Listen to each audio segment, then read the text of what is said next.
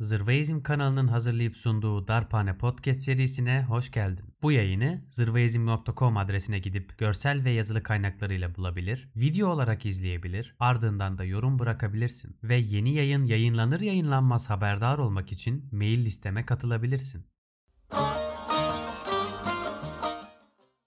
Meyve sebze fiyatlarındaki artış durdurak bilmiyor. Tüketici el yakan fiyatlardan, satıcı da komisyondan şikayetçi. Benim Köyceğiz'de küçük bir bahçem var. Süper bir Washington cinsi portakalım var. Kilosunu 50 kuruştan verdim. Burada aynı portakal 3,5 lira 4 lira. Her öğünde soğan ekmek yiyemezsin demedin? Ne haber nasılsın? Bugün çok da yabancı olmadığını ancak yine de merak edebileceğini düşündüğüm bir konuyu seninle konuşacağım. Piyasayı, piyasa ekonomisini anlatacağım. Eminim ya haber izlerken ya internette dolaşırken şöyle bir serzenişte bulunan insana denk gelmişsindir. Ya bu domatesi tarlada üretiyorlar bir paraya, şehre geliyor, markete geliyor, oluyor 5 para 6 para. Bu ne iş kardeşim? Üreten kazanmıyor ki bundan. Hatırladın değil mi böyle şikayetlerde bulunan tüketicileri ve üreticileri? Heh, gel seninle birlikte bakalım. Piyasa denen şey nedir ve bu serzenişin neresindedir? Seçemezsin demedin mi?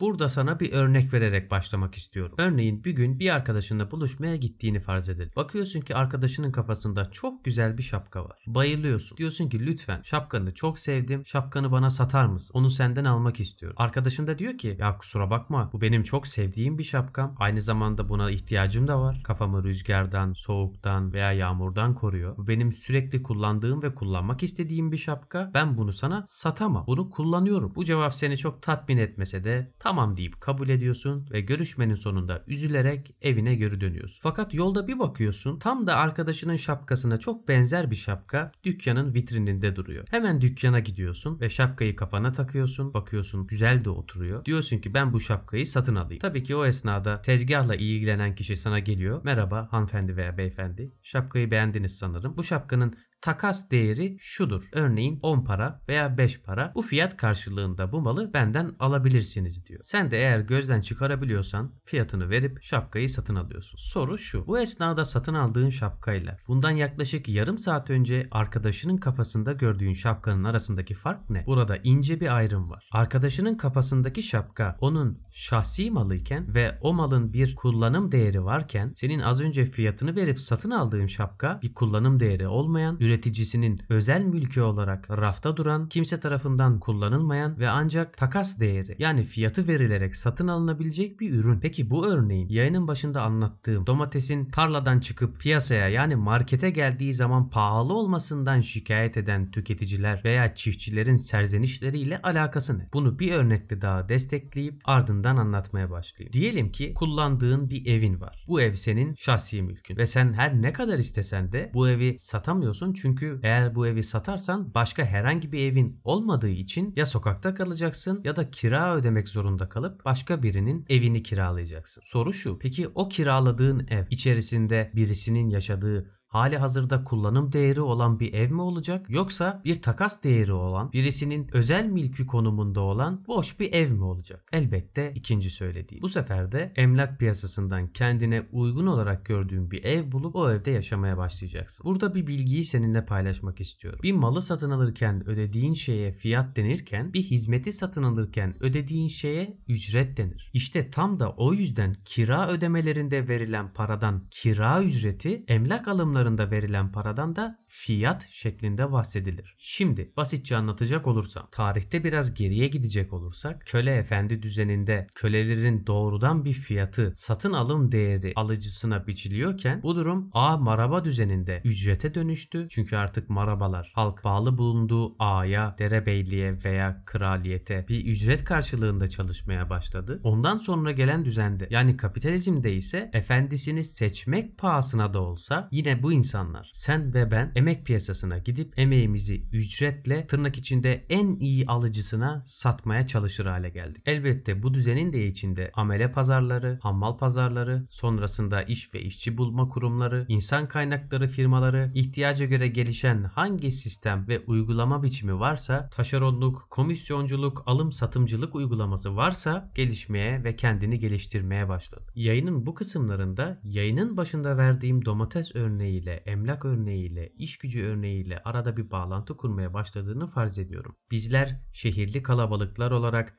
tarlalarda, köylerde, çiftliklerde üretim yapan üreticilerin ürettiği değere ihtiyaç duyuyoruz. Onlar da şehirli kalabalıkların genelde hizmet sektörü altında üretmiş oldukları hizmete, değere ihtiyaç duyuyorlar. Ama ortada sürekli işveren, patron, alsatçı, tüccar denilen bazı aracılar, bazı taşeronlar var. Yine bu bölümün de yayınlandığı zırvaizm.com'a gidip tarihin en eski taşeronları Katiller isimli bölümü bulup benim taşeronluğa, aracılığa dair fikirlerimi bulabilirsin.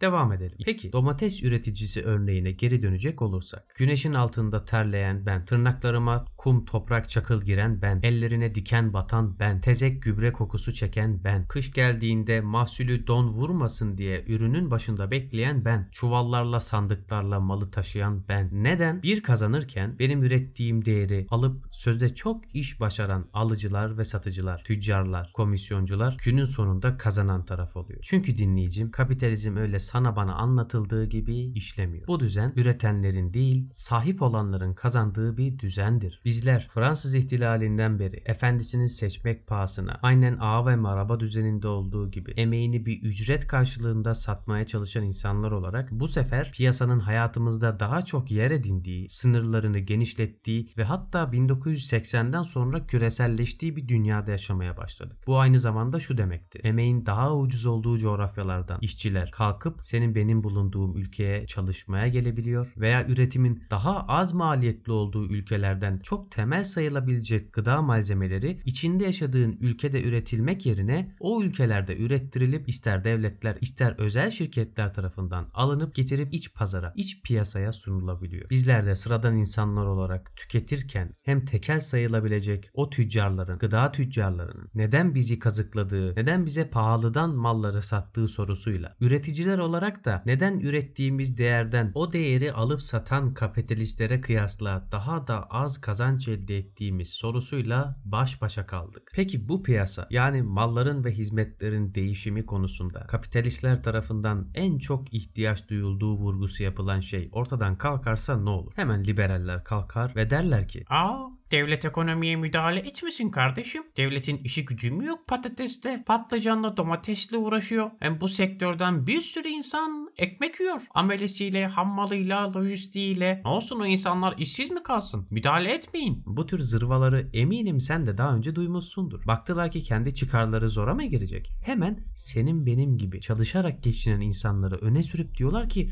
Yahu bizi düşünmüyorsunuz bari onları düşünün. Bir sürü insan ekmek yiyor bir sektörden. Tabii yersen. Biz ne biliyoruz? Bu düzen piyasa düzeni ne tüketicinin ne de üreticinin faydasına. Bu düzen alsat yapanların yani tüccarların faydasına çalışıyor. E üretenlerin değil de sahip olanların kazançları elde ettiği bu modelde kapitalist düzende o sektörde çalışanların işlerini kaybedeceği iddiası ancak bir yalandan, zırvadan yani kapitalist propagandadan ibarettir. Kapitalizmin ötesine geçtiğimiz ve tam istihdam politikası uygulamaya başlanılan bir düzende elbette o insanlar da yine zaten yapmış oldukları şeyi yaparak yani üreticinin ürettiği değeri tüketicisine buluşturarak geçimini sağlıyor olacak. Fakat Tek fark fiyat üstüne fiyat bindiren, komisyon üstüne komisyon bindiren bu parazitlerin düzenden çıkması ve toplumun bu yaradan arınmış olması olacak. Bizler şunun farkındayız. Halk olarak aptal insanlar değiliz. Yeni tarım teknolojileriyle ortalama her ülke kendi nüfusuna yetecek kadar temel gıda yani tarımsal ürünler üretecek konumda. E hali hazırda bunların dolaşımı için kullanılan lojistik ağları da kurulmuş vaziyette. Demek ki bu bir kapasite yani yapılabilirlik problemi de değil. Daha önce özel şirketlerin, özel girişimcilerin yapmış olduğu şeyi şimdi bizler, üreten insanlar, tüketen insanlar ve devletler olarak yapacağız. Üstelik böyle güzel bir şeye muhalefet etmesi beklenen insanlar az bir insan toplusu. Bu insanların sayısı çok az. Biz onların karları kendimizin zararı pahasına zaten bunu yapıyoruz bu düzende. Bunun yanında ellerinde toplayabildikleri o temel gıda malzemelerini belki stokçuluk yapmak pahasına, fiyatları iyicene şişirmek pahasına kontrollü bir şekilde piyasaya sürdükleri gerçeğini anlatmıyorum bilene. Bunlar yaşanmış şeyler. Sen de internet gibi açık kaynaklara giderek ufak bir araştırmayla sıradan halkın ne büyük problemlerle karşı karşıya kaldığını görebilirsin. Bizler gariban dünya halkları olarak üretirken ve tüketirken enayi yerine koyulan insanlar olarak kalkıp diyoruz ki bu düzen bizim karnımızı doyurabilir, bizi iyi yerlere getirebilir, iyi yönetilirse de kalkınmamıza yol açabilir. Ama ne yazık ki kapitalizmin denendiği 350 yıl bize bunun